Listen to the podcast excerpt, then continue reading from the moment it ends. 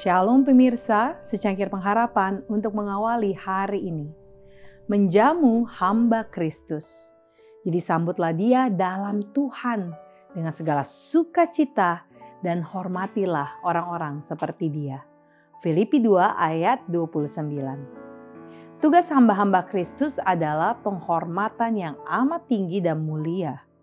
Barang siapa menyambut kamu, kata Kristus, ia menyambut aku.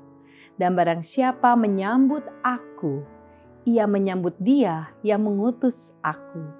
Tiada perbuatan yang baik dan ramah yang telah ditunjukkan kepada mereka atas namanya yang akan gagal diakui dan diberi upah.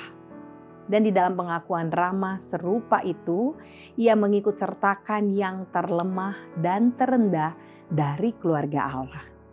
Barang siapa memberi air sejuk secangkir saja pun kepada salah seorang yang kecil ini, mereka yang seperti anak-anak di dalam imannya dan pengetahuan akan Kristus, karena ia muridku, aku berkata kepadamu, sesungguhnya ia tidak akan kehilangan upahnya daripadanya.